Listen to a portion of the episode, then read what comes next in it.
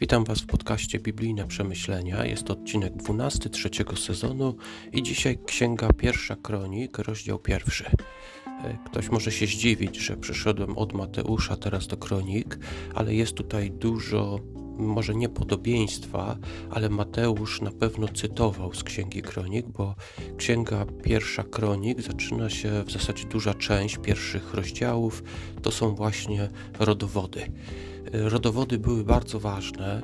Dzisiaj dla nas, którzy czytamy Biblię w naszych czasach, to chyba jest to najnudniejsza część Biblii, ale musimy pamiętać, że było to bardzo ważne, na przykład dla Mateusza, który wyprowadził rodowód Jezusa e, od Dawida, ale było też to bardzo ważne e, dla tych, którzy czytali Księgę Kronik.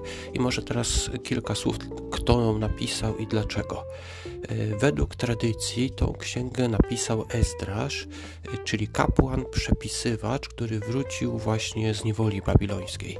I zaraz jak czytamy na przykład księgę Ezdrasza, to znajdujemy tam informację na przykład, że przybyło kilka osób, które podawały się za kapłanów, ale nie udało się ich znaleźć w rodowodach.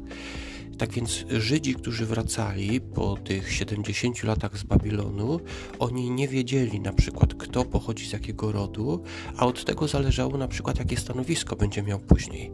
Bo na przykład, czy będzie mógł być kapłanem, czy będzie mógł jako lewita usługiwać świątyni i tego typu rzeczy. Skąd wiemy, że napisał to Ezdrasz? Po pierwsze tradycja, po drugie jak porównamy, to widać dużo podobieństw między księgami e, Kronik a księgą Ezdrasza. I teraz odnośnie tej nazwy i jak ta księga wyglądała. Początkowo to była jedna księga. Zresztą większość księg, ksiąg, które my mamy dzisiaj podzielone na dwie, albo na przykład tak jak Mojżeszowe na pięć, to kiedyś była jedna księga. Miała też ona inną nazwę. Pierwszy raz, e, przed, e, pierwszy raz podzielono ją na pół podczas tłumaczenia na grecki w Septuagincie, a nazwę, którą my dzisiaj mamy Księga Kronik, to dał dopiero Hieronim, czyli tłumacz, który stworzył Vulgatę, tłumaczenie na łacinę. To właśnie on zaproponował tą nazwę Kroniki i tak zostało do naszych czasów. Co mają one wspólnego z Ewangeliami? Tak jak już mówiłem, pierwsza kronik zaczyna się od rodowodów, z których później korzystali właśnie ewangeliści. W pierwszej kronik w rozdziale pierwszym mamy rodowód od Adama do Abrahama, a potem także y, potomków Abrahama i jego syna Izaaka. I tutaj nie tylko chodzi o tą linię, której wyszli później Izraelici, ale też mamy wszystkie inne linie, łącznie na przykład z drugą żoną Abrahama Keturą. I tu może taka ciekawa rzecz, y, ciekawy werset. Pierwszy rozdział, werset dziesiąty. Kusz zaś zrodził Nimroda, który był pierwszym mocarzem na ziemi. Nimrod jest ciekawą postacią.